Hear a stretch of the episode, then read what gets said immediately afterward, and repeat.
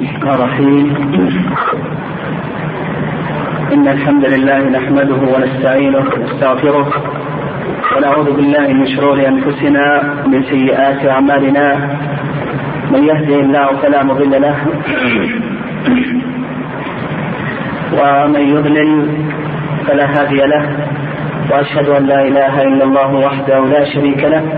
وأشهد أن محمدا عبده ورسوله. وبعد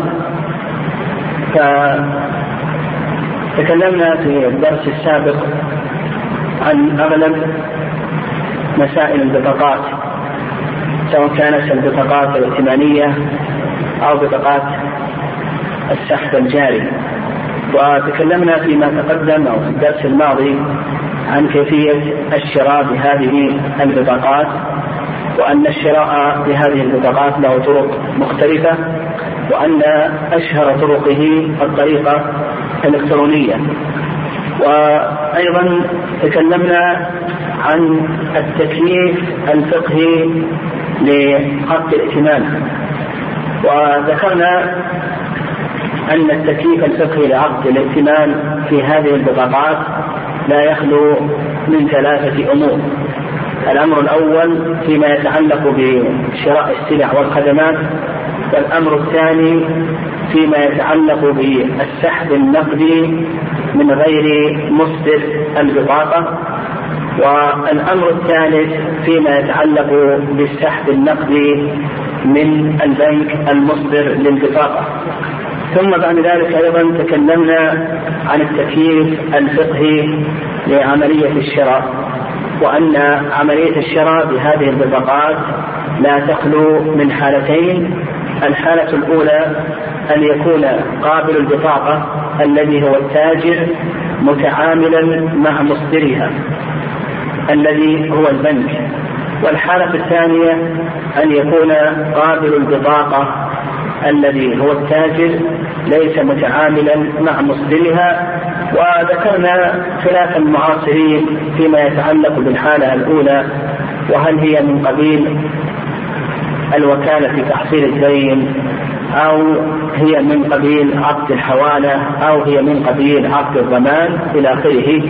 وذكرنا أن الأقرب أن مصدر البطاقة الذي هو البنك ضامن لحاملها الذي أعطاها إياه فهو عقد ضمان لكن في البطاقة اشترط الضامن الذي هو مصدر البطاقة البنك اشترط على قابلها الذي هو التاجر أن لا يطالب العميل المضمون عنه.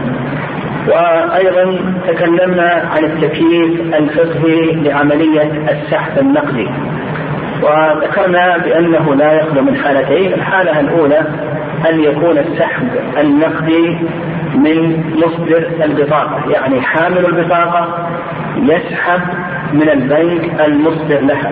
وهذه واضحة وأن تكييفها أنه قرض فإذا سحبت معك بطاقة الفيزا الذهبية والفضية فسحبت مثلا من الراجحي آه الراجحي يقرضك يقرضك حسب آه ما يضع لك من السقف الائتماني. والقسم الثاني آه، إذا كان السحب النقدي من غير مصدر بطاقة مثلا يحمل بطاقة الراجحي لكنه يسحب من البنك الأهلي إلى آخره. فذكرنا أن هذه آه، أن أن التكييف الفقهي لهذا العمل أنه اشتمل على عقدين العقد الأول القرض. فالعميل الذي هو حامل بطاقة لما سحب من بنك الأهلي هذا عقد قرض. والعقد الثاني عقد ضمان. الراجحي ضامن للعميل عند البنك الأهلي إلى آخره. ثم بعد ذلك تكلمنا عن الأحكام المؤثرة في استصدار بطاقة الائتمان. وتكلمنا عن الرسوم المأخوذة وذكرنا أن الرسوم آه، تشتمل على أنواع. النوع الأول الرسوم المقطوعة. والنوع الثاني الرسوم المأخوذة من حامل البطاقة رسوم السحب النقدي إلى آخره وكذلك أيضا الرسوم آه، يعني الرسوم إما تكون مأخوذة البنك يأخذها من حامل البطاقة قد تكون آه، رسوم التكاليف أجور الخدمات وأجرة الضمان وكذلك أيضا الرسوم التي يأخذها مقابل السحب النقدي. آه، من حامل البطاقة وقد تكون هناك وأيضا تكلمنا عن الرسوم التي يأخذها البنك من من قابل البطاقة الذي هو التاجر وذكرنا آه، أنواع هذه الرسوم وحكم كل نوع إلى آخره. وأيضا بقي علينا مسألتان فيما يتعلق بالبطاقات. ثم بعد ذلك ننتقل إلى التورق المصرفي الذي يوجد الآن في كثير من البنوك. آه، فالمسألة الحادية عشرة المسألة الحادية عشرة حكم هذه البطاقات. حكم هذه البطاقات الائتمانية هذا يتضح مما سبق. يعني يتضح مما سبق. فنقول تلخص لنا تلخص لنا أن العقد في البطاقات الائتمانية على الصحيح إما أن يكون عقد ضمان وإما أن يكون عقد قرض وأخذ الأجرة على الضمان لا تجوز. وأخذ الفائدة على القرض هذه لا تجوز. وعلى هذا على هذا ينظر في الرسوم التي يأخذها البنك. ينظر في الرسوم التي يأخذها البنك. فالرسوم التي يأخذها البنك سواء كان في عقد القرض. كما لو آه، كان العميل معه بطاقة فيزا واقترض من البنك أخذ من البنك ألف ريال. يجعل له مثلا إذا كانت البطاقة الفضيه أو البطاقة الذهبية يجعل له كذا وكذا، تجد أن البنك ياخذ رسوم، رسوم الاستفداء، رسوم التبديل، أيضا إذا سحب في السحب النقدي هذا يأخذ عليه مبلغ 36 ريال إلى آخره، فهذا قرض. ننظر إلى تكاليف البنك، فإن كان البنك يأخذ زيادة على آه، آه، التكاليف التي يبذلها فهذا قرض جر نفعا أما إن كانت هذه التكاليف الستة والثلاثين الستة والثلاثون التي يأخذها وما يتعلق بالرسوم المقطوعة إلى آخره ما سبق أن فصلناه فإن كانت هذه مقابل التكاليف التي يبذلها ولا يأخذ زيادة فهذا جائز ولا بأس به. أيضا بالنسبة لي قلنا بأن العقد في هذه البطاقات يتلخص إما أن يكون عقد قرض وإما أن يكون عقد منع. اخذ الزيادة المنفعة على عقد القرض هذا قلنا بأنه غير جائز لأن كل قرض كما ورد عن الصحابة رضي الله تعالى عنهم جر نفعا فهو ربا. أيضا عقد الضمان حامل البطاقة عندما يشتري من التاجر إلى آخره. فإن البنك يضمنه عند التاجر. قلنا بأن أخذ الأجرة على الضمان. هذا لا يجوز. هذا لا يجوز. وعلى هذا ننظر أيضا إلى التكاليف التي يتكبدها البنك في مقابل استصدار هذه البطاقة. فإذا كان هناك تكاليف إذا كانت إذا كان ما يأخذه البنك مقابل التكاليف آه، فهذا آه، هذه البطاقة جائزة وإن زادت هذه التكاليف فإنها تعتبر أجرة مقابل الضمان فإن هذا غير جائز. هذا ملخص الحكم في هذه البطاقات لأنه تبين لنا حسب التكييف الفقهي أن هذه البطاقات إما أن تكون عقد قرض وإما أن تكون عقد ضمان. آه، البنوك الربوية أيضا فيها محذور آخر وهو أنها تشترط على حامل البطاقة أنه إذا لم يسدد بعد فترة الأجل إذا لم يسدد فإنه فإن البنك يقوم بحساب فوائد ربوية عليه. البنك يقوم بحساب فوائد ربوية. البنك يضع لحامل بطاقة آه، مدة محددة قدرها آه، غالبا آه، أربعين أربعون يوما إذا لم يسدد بعد الأربعين فإن البنك يقوم باحتساب فوائد ربوية وسبق أن أشرنا أن البنك يستفيد من هذه الفوائد الربوية وأن المنظمة العالمية التي ترعى هذه البطاقات كمنظمة فيزا أيضا تستفيد من هذه الفوائد الربوية. فالدخول في هذه البطاقة والتوقيع على هذا العقد هذا محرم ولا يجوز. حتى ولو قال الأمين أنا سأقوم بالتسديد. أنا سأقوم بالتسديد قبل مضي آه، فترة الأجل. نقول بأن هذا محرم ولا يجوز. حتى ولو قال أنا سأقوم بالتسديد آه، قبل مضي الأجل لأن الدخول في العقد المحرم محرم. أصلا لا يجوز لك أن توقع عليه. حتى ولو قلت إنني سأقوم بالتسديد قبل مضي الأجل. آه، أيضا بقينا في المسألة الأخيرة وهي آه، بطاقات السحب الجاري والسحب النقدي آه، ينقسم إلى قسمين. يعني السحب النقدي ينقسم إلى قسمين. أو نقول له حالتان له حالتان. الحالة الأولى أن يكون السحب من مصدر البطاقة فهذا لا إشكال فيه. يعني أنت مثلا مثلك الآن بطاقة الصراف الصراف الالي وتسحب من رصيدك يعني من مصدر البطاقة فنقول بأن هذا لا يجوز. أن تسحب الآن من حسابك الجاري تقوم ب آه، نقول بأن هذا جائز. نعم. نقول بأن هذا جائز ولا بأس به. هناك الآن البطاقة تسحب من الحساب مباشرة هذا جائز. أخذت البطاقة من الراجح وتسحب من الراجح. فنقول بأن هذا جائز ولا بأس به. القسم الثاني القسم الثاني أن يكون السحب من غير مصدر البطاقة. معك الآن آه، بطاقة الراجحي تسحب من صراف الأهلي. من صراف البنك الأهلي. هذه ذكروا لها حالتين. يعني هذه ذكروا لها حالتين. الحالة الأولى أن يقوم مصدر البطاقة كالراجحي مثلا بتحويل المبلغ إلى البنك المسحوب منه مباشرة قبل أن يأخذ حامل البطاقة المبلغ من البنك المسحوب منه. فهذه أيضا جائزة ولا بأس بها.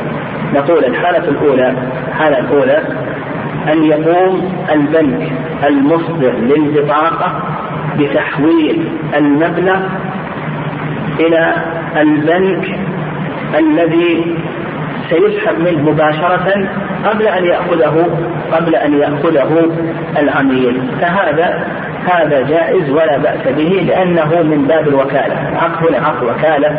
وأخذ العوض على الوكالة جائز لأن البنك المسحوب منه سيأخذ عوضا يأخذ عوضا من البنك المصدر للبطاقة. فإذا كان الإنسان معه بطاقة الراجحي وذهب إلى الأهلي ثم بعد ذلك سحب من الأهلي أدخل البطاقة. بطريقة إلكترونية إذا كان البنك بنك الراجحي مباشرة يحول المال يسجله مباشرة بحساب الأهلي بحساب الأهلي قبل أن يقوم الأمين بأخذ الدراهم بطريقة إلكترونية فإن هذا جائز ولا بأس به ويكون من قبيل الوكالة. يكون من قبيل الوكالة. يعني أن الراجحي وكل الأهلي في أن يعطي العميل حامل البطاقة أن يعطيه كذا وكذا من المال وكون الأهلي يأخذ على الراجحي مثلا في العملية أربع ريالات أو خمس ريالات فإن هذا جائز. هذا جائز ولا بأس به لأنه أخذ عوض على الوكالة. أخذ عوض على الوكالة وأخذ العوض على الوكالة هذا جائز ولا بأس به. الحالة الثانية الحالة الثانية آه، أن يقوم البنك مصدر البطاقة آه، مصدر البطاقة يقوم بتعليق المبلغ المبلوغ آه، المطلوب.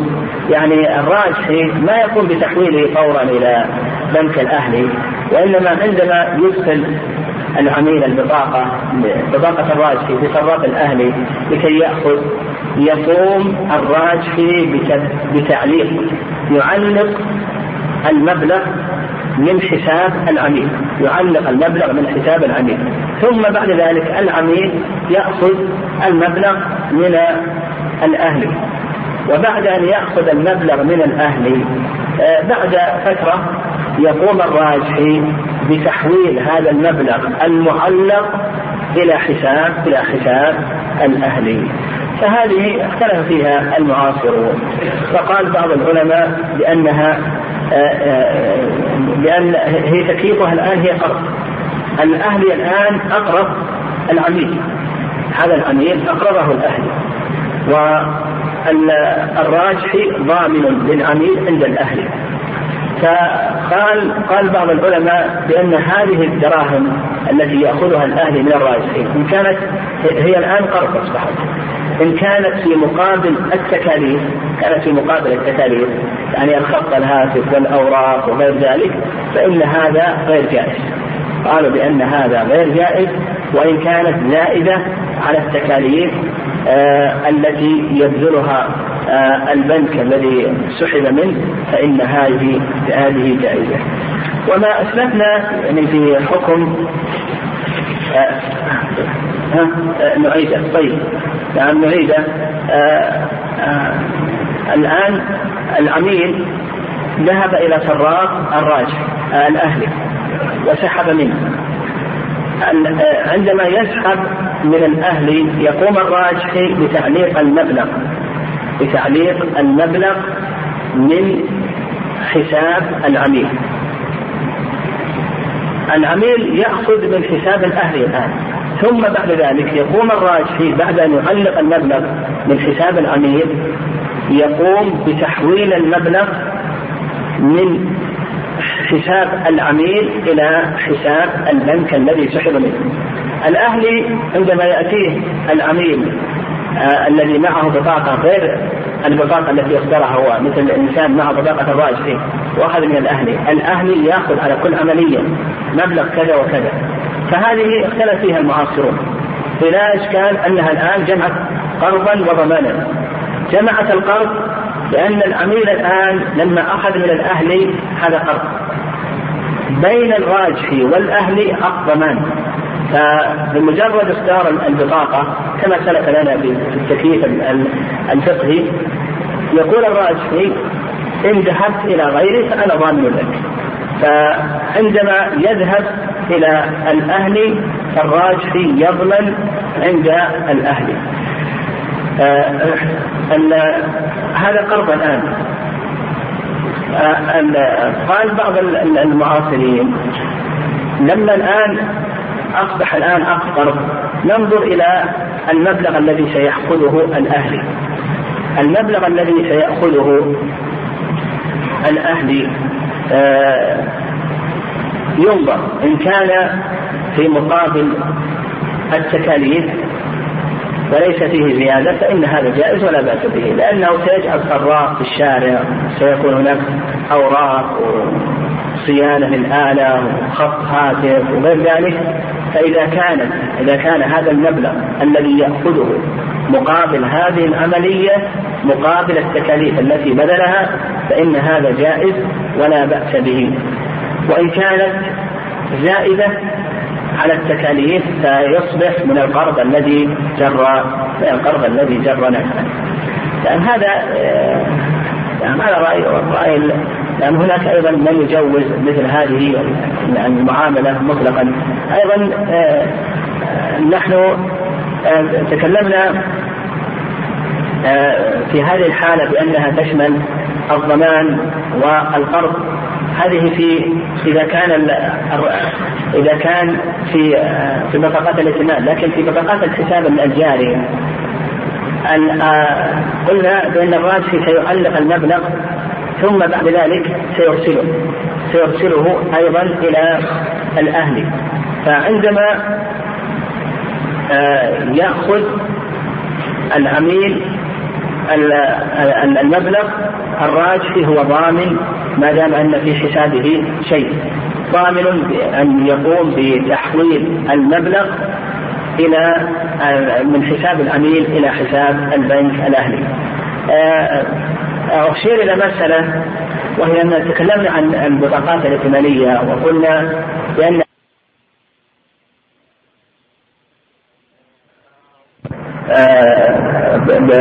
في حال شراء السلع إلى آخره وأنه في سلع في حال شراء السلع أو السحب من غير مصدر الطاقه يكون ضمانا وأخذ الزيادة الزيادة على التكاليف يكون من قبيل أخذ الأجرة على الضمان. وأيضا في السحب النقدي آه عندما تسحب آه كذا وكذا يأخذون عليك كذا وكذا من المال هذا إذا كان المال مقابل التكاليف والا فإنه أصبح من القرض الذي جر فائدته. هذا هو الأقرب في آه الحكم على هذه البطاقات. بعض الهيئات الشرعية في بعض البنوك الإسلامية ما يخرجون هذا التخريج. يجعلون للبنك خريطة تصرف في أخذ الرسوم ماذا ينظرون؟ ينظرون إلى شرط الربا فقط ينظرون إلى شرط الربا فقط. يقولون إذا كان إن كان البنك يشترط أنك إذا لم تسدد بعد مضي يعني في البطاقات الائتمانية بطاقة فيزا إذا كان البنك يشترط أنك إذا لم تسدد بعد مضي مدة الأجل فعليك فائدة كذا وكذا ويقولون هذا ربا ولا يجوز. وإن كان البنك لا يشترط فإنه فإن هذا جائز. فإن هذا جائز. ولا ينظرون إلى ما يتعلق بالرسوم وإلى آخره. وإنما يكيفونها على خلاف ما ذكرنا لكن ما ذكرنا يعني يظهر هو الأقرب.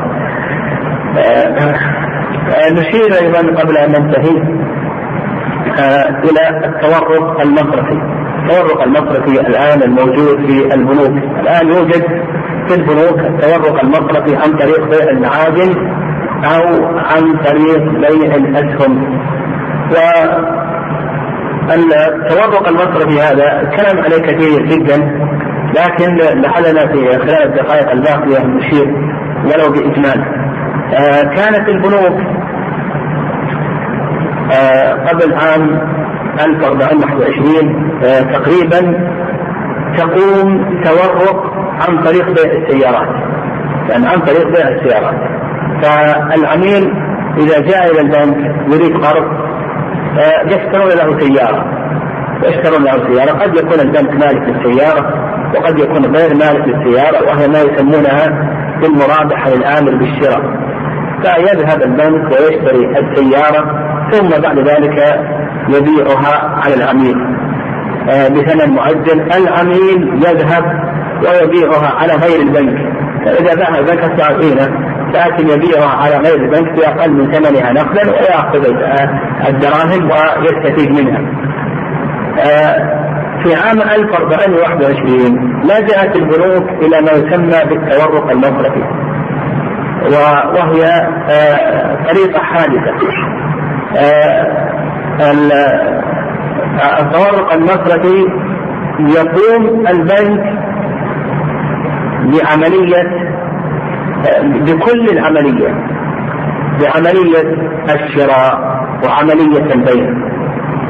فما على العميل إلا أن يوقع على أوراق. فيجد بعد يوم أو يومين أو ثلاثة أيام في رصيده مثلا خمسين ألف ريال على أن يسدد للبنك أقساط قيمتها سبعين ألف ريال.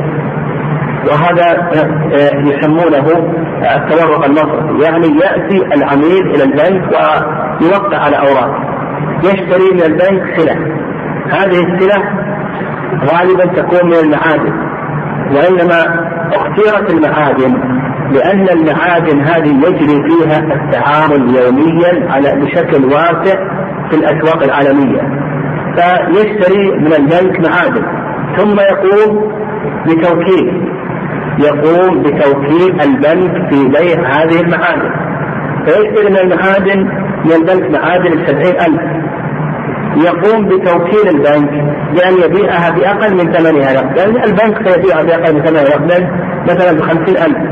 البنك يكون اشترى المعادن ب 50000 وباعها على العميل سبعين ألف. يقوم مرة أخرى البنك بعد أن يوكله العميل فيبيع هذه المعادن بخمسين ألف. ويضعها في حساب العميل على أن يسدد له العميل سبعين ألف.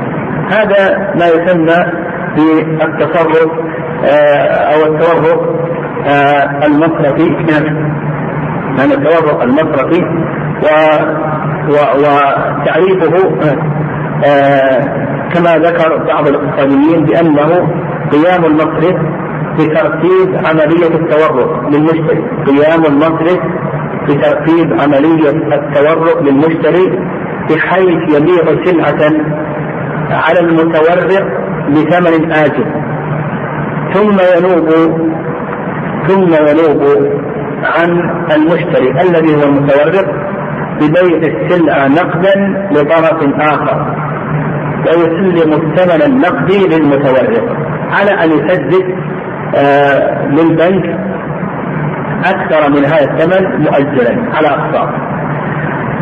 آه الآن الذي يوجد في البنوك صنفان من السلع. الصنف الأول المعادن ما يسمى بالمعادن والصنف الثاني آه الأسهم الصنف الثاني الأسهم وأول من بدأ بهذه العملية هو البنك الأهلي بما يسمى بتيسير الأهلي عام 1421 ثم بعد ذلك تتوالد البنوك آه، بهذه الطريقة لأن هذه الطريقة طريقة سهلة. في كسب البنك وأيضا طريقة سهلة في حصول العميل على النقد. آه، فجاء البنك العربي آه، البنك العربي الوطني بما يسمى بالتورق المبارك. أيضا البنك البريطاني السعودي بما يسمى بعملية مال. البنك السعودي الإمريكي بما يسمى بسامبا. آه كذلك أيضا بقية آه البنوك. يسمونها تيسير أو التورق المبارك أو تورق الخير إلى آخره. آه وصف عملية بيع المعدن في التورق المصرفي. يعني أنا اشرت إليها لكن نذكرها. كما في نشرات البنوك يقوم المصرف بشراء السلع. يقوم المصرف بشراء السلع. وغالبا تكون هذه السلع من المعادن الزنك النيكل الصفيح النحاس إلى آخره. بقدر ما يحتاجه العملاء كل أسبوع. وإنما كانت اختيار لهذه المعادن لأن هذه المعادن من المعادن الأساسية التي يجري فيها التعامل يوميا عالميا. يتقدم العميل إلى المصرف بطلب شراء معدن كذا وكذا صفته كذا وكذا. وإنما كان الشراء عن طريق الوقت لأن الغالب أن هذه المعادن تكون في الخارج. تكون مثلا في دائرة البحرين تكون مثلا في بريطانيا إلى آخره. تكون في الخارج فيتقدم العميل إلى المصرف بطلب شراء معدن صفته كذا وكذا بكونه غالبا غائبا في دولة أخرى كالبحرين مثلا إلى آخره. آه بعد شراء العميل هذه الوحدات من المعدن يقوم العميل بتوكيل المصرف يقوم العميل بتوكيل المصرف بقبض المعدن المعدن وبيعه له. هو الآن اشترى منه المعدن المصرف اشترى المعدن والعميل اشتراه منه. فيوكل المشتري العميل البائع في أن يقبض له من نفسه. ثم يوكله مرة أخرى في أن يبيع هذا المعدن على طرف على طرف ثالث. آه، يتفق المصرف مع جهات أخرى لشراء تلك السلع كما سيأتي بيانه. المصرف يتفق مع جهات أخرى لشراء تلك السلع.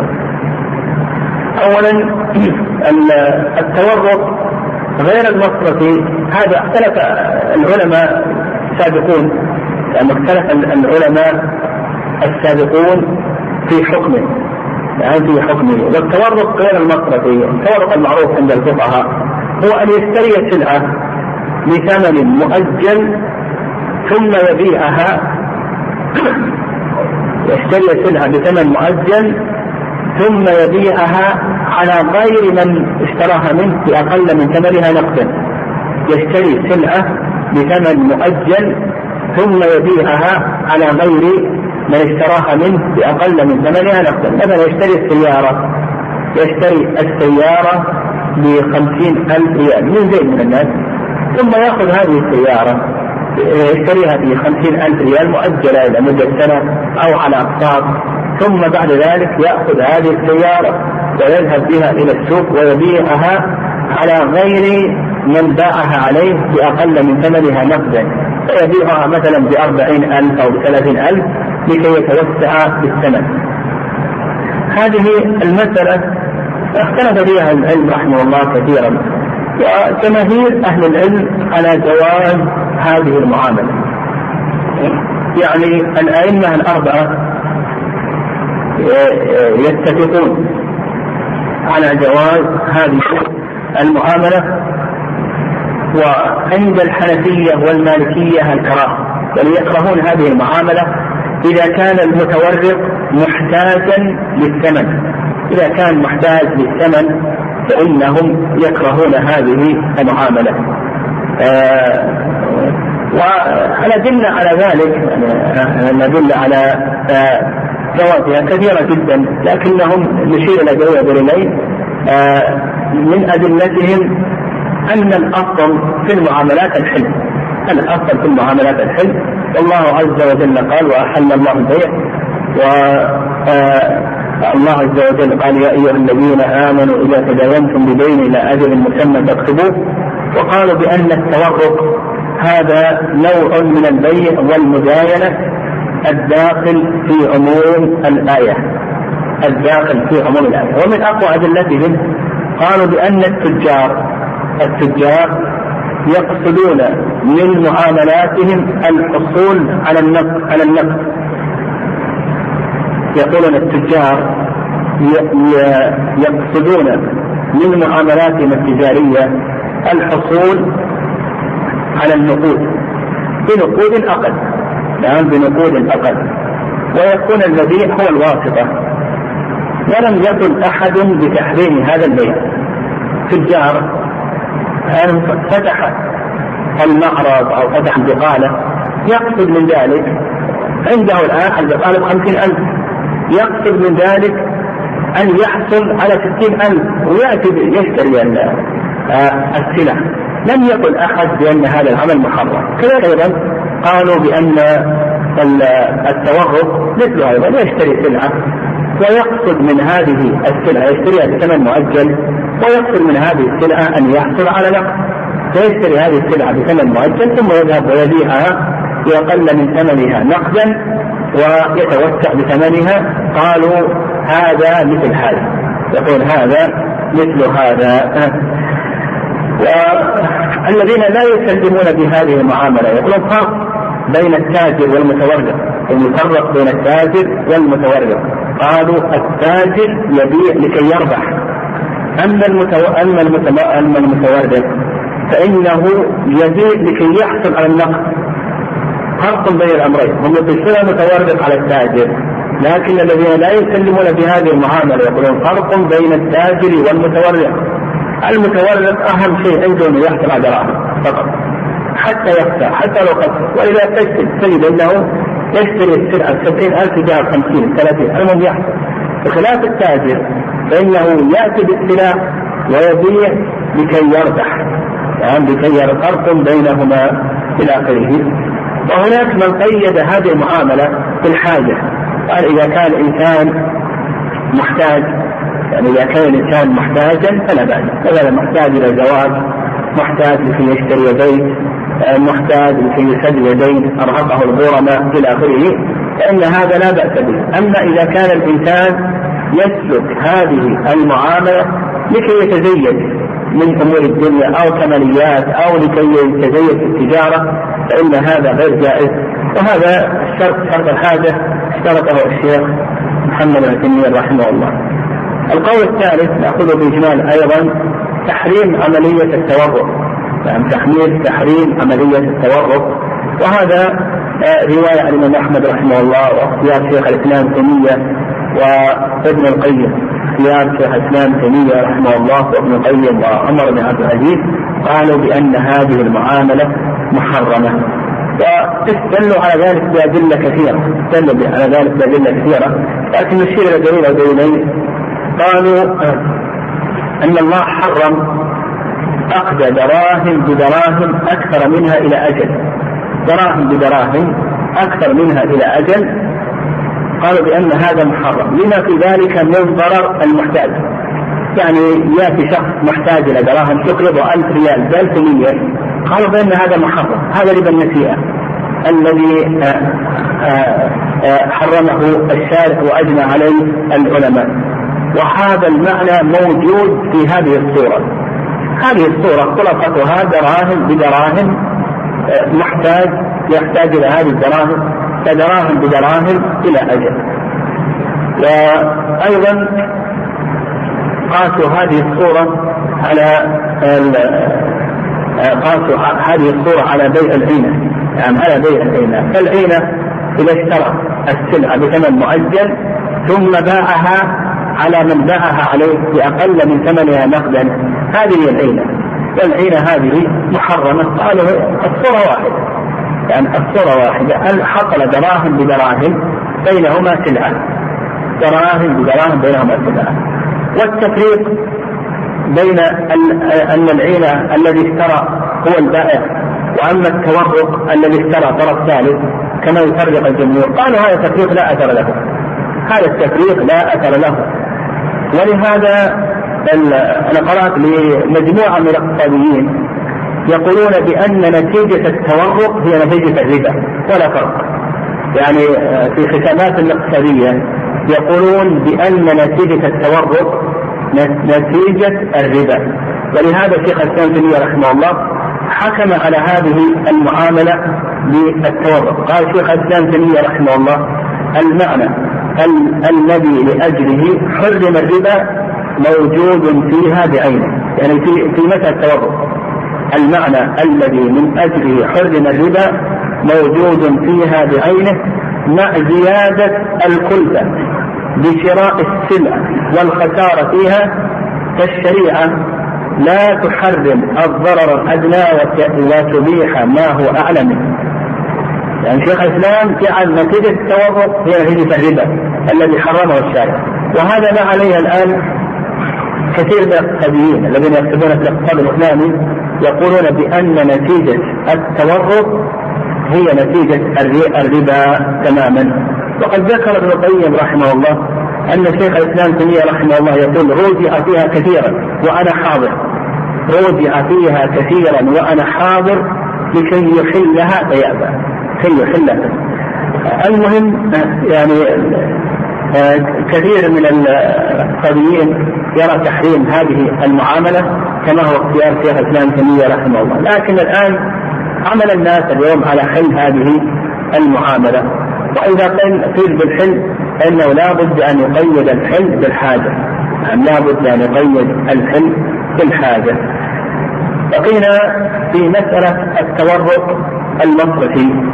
مسألة التورق المصرفي لما حدث هذا التورق ذكرنا صورته أن البنك المصرف يقوم بعملية التورق تماما ترتيب عملية الشراء والبيع إلى آخره. المهم دور الأمير أنه يحدد التمويل تمويل المبلغ. كم يريد؟ كم يريد فقط؟ ويقوم بالتوقيع على أوراق ويجد في حسابه بعد يوم أو يومين كذا وكذا من المال على أن يكون عليه آه، كذا وكذا من المال أكثر منه مؤجل للبنك. آه، لما حدثت هذه الصورة اختلف فيها المعاصرون جرى فيها المعاصرون على قولين. القول الأول والقول الأول تحريم هذا البيع.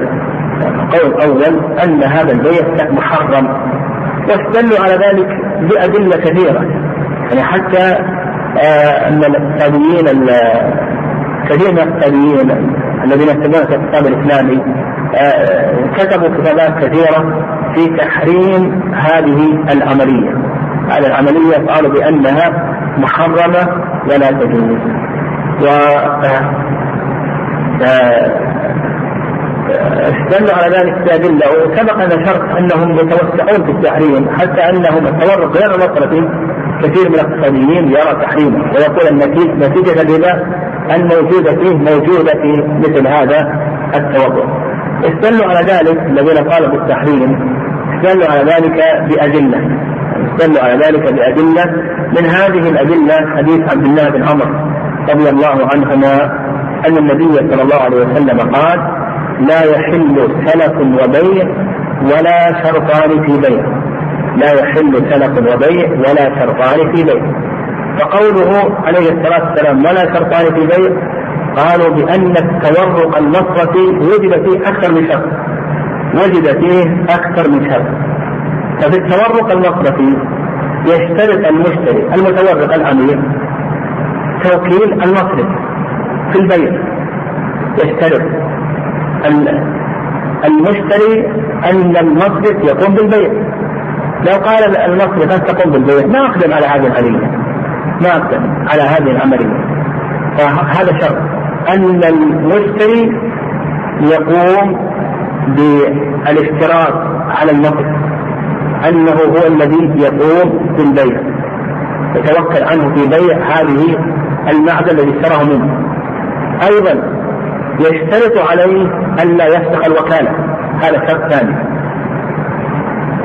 الشرط الثالث الشرط الثالث آه أن شرط أن المشتري يشتري السلعة بأكثر من ثمنها مؤجل الذي اشتراها الذي اشتراها به المصرف. يعني أن المصرف يشترط على المشتري أنك تشتري هذه السلعة بأكثر من ثمنها مؤجلا. فالمصرف مثلا شرى هذا الحديد بخمسين ألف يشترط عليه أن يشتريه بسبعين ألف مؤجل الشرط الرابع الشرط الرابع قالوا فيه شرط أن المصرف يبيعها بأقل من ثمنها نقدا بأقل من ثمنها نقدا. الذين قالوا بالجواز ومنهم اللجنة الشرعية في البنك الأهلي التجاري. آه قالوا بأن الشرطان بأن الشرطين اللذين نهى عنهم النبي صلى الله عليه وسلم هو بيع العينة كما ذكر ابن القيم رحمه الله. وعن هذه الشروط تكون جائزة وليست داخلة وأجيب عن ذلك قالوا بأن هذا التورق المصرفي ملحق ببيع العينة كما سيأتي. يعني قالوا بأن التورط المصرفي ملحق ببيع العينة كما سيأتي. فإلحاق التورط المصرفي ببيع العينة أقرب من إلحاقه بالتورط الذي أجازه الفقهاء لأن الصورة في التورط المصرفي قريبة من الصورة في العينة. العينة السلعة هي عند البائع. باع عليك السلعة بثمن مؤجل ثم اشتريتها بأقل من ثمنها نقدا. حصلت على النقد. والسلعة هي عند يعني عند البائع. كذلك أيضا في التورق المصرفي. المصرف اللي يقوم بهذه العملية. عنده السلعة. يقوم يشتري السلعة ثم بعد ذلك يبيعها على المشتري ثم بعد ذلك آه، يتوقع المشتري ببيع على طرف ثالث إلى آخره فيصبح دور العميل يصبح دور العميل أنه آه، كما أسلفنا يحدد التمويل الذي يريد ويوقع على أوراق ويأخذ الدراهم على أن تكون عليه بأكثر من ثمنها بأكثر آه، من ثمنها مؤجلا فقالوا إن إلحاق التورق المصرفي في بيع العينة الذي منعه جمهور الفقهاء أقرب من إلحاقه بالتورق الذي أجازه جمهور الفقهاء. وذلك أن المصرف هو الذي يبيع السلعة للمتورق المصرف يقوم ببيع السلعة المتورط بأكثر من ثمنها نقدا وهو الذي يتولى بيعها لمن يشاء.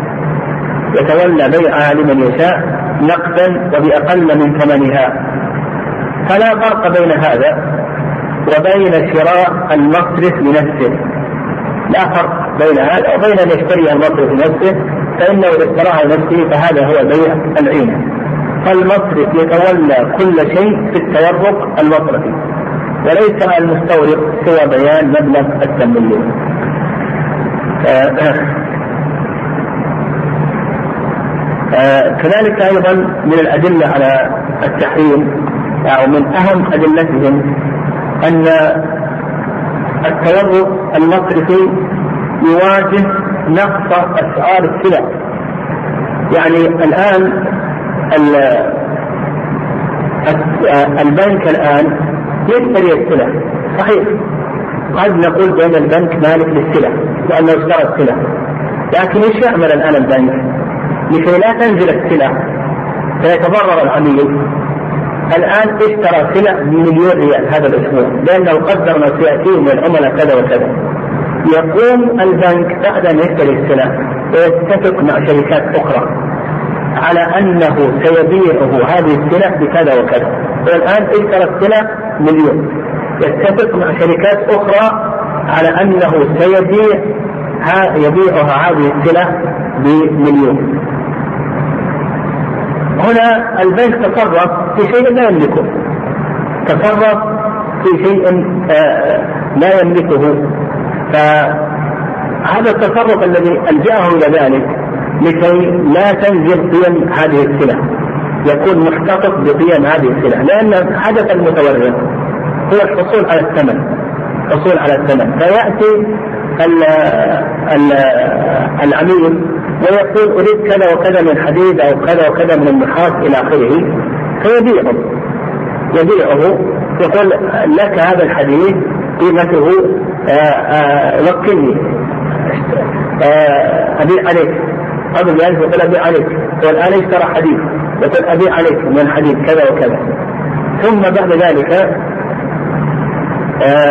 يبيعها عليه بأقل من ثمنها نقدا وقد اتفق البنك مع شركات أخرى. يعني في الأسواق العالمية لكي يضمن عدم نقص الأسعار.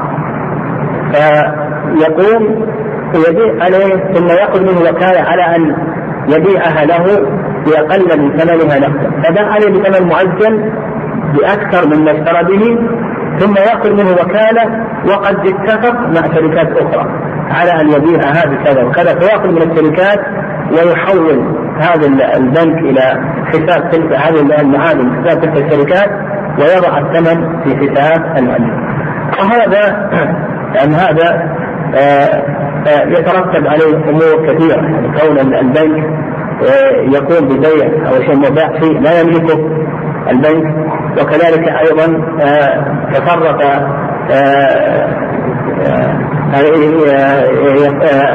العميل يكون تصرف العميل في شيء غير موجود. يعني صفقة اتفقت فيها هذه الشركات العالمية في كما يذكر بعض الاقتصاديين في بيوت السمسرة ويكون عمل العميل آه، على شيء غير موجود. هذا حديد والحديد هذا قد اتفق مع هذه الشركات. على ان تاخذه بثمن كذا وكذا إلى آخره. وهذا الاتفاق هو البيع. هذا العقود راجعة إلى أعراض الناس. فيكون عمل العميل في غير شيء انه إنما هو مجرد أوراق يختمها فينزل في حسابه كذا وكذا ويعطى يلزم بكذا وكذا من النقد وخلفنا على أحد المستمعين باللجان الشرعية في البنك الاهلي وقال لي أن هذه الخطوه فان نجريها. نجري هذه الخطوه نقوم باتفاق مع شركات أخرى في بيع مثل هذه آه، السلع إلى اخره. الذين قالوا بالجواز يعني الذين قالوا بالجواز استدلوا بأدلة قالوا بأن التورط أجازه جمهور العلماء رحمه الله وهذا نوع من التورط لكن آه، آه، هذا غير مسلم لأن هذا غير مسلم بل إن كونه إلى العين أقرب من كونه إلى التورط لأن آه، النقد في التورق في التورق الذي أجازه العلماء المتورق هو الذي يأخذ السلعة يطلب السلعة ويذهب ويعرضها البيع قد يبيعها قد يستعملها قد يبيع قد يبيعها بأقل من ثمن الذي اشتراها به قد يبيعها بمثل الثمن قد يبيعها بأكثر قد ترتفع الأسعار. أما هنا لا المتورق محكوم ليس له أن يتصرف يعني اشترى بخمسين ألف عليه سبعين ألف. الأسعار ارتفعت هذا ليس له دخل لأن هذه السلع قد اتفق مع شركات أخرى. وفي هذا أيضا إضرار بالمتورط إضرار بنفس العميل.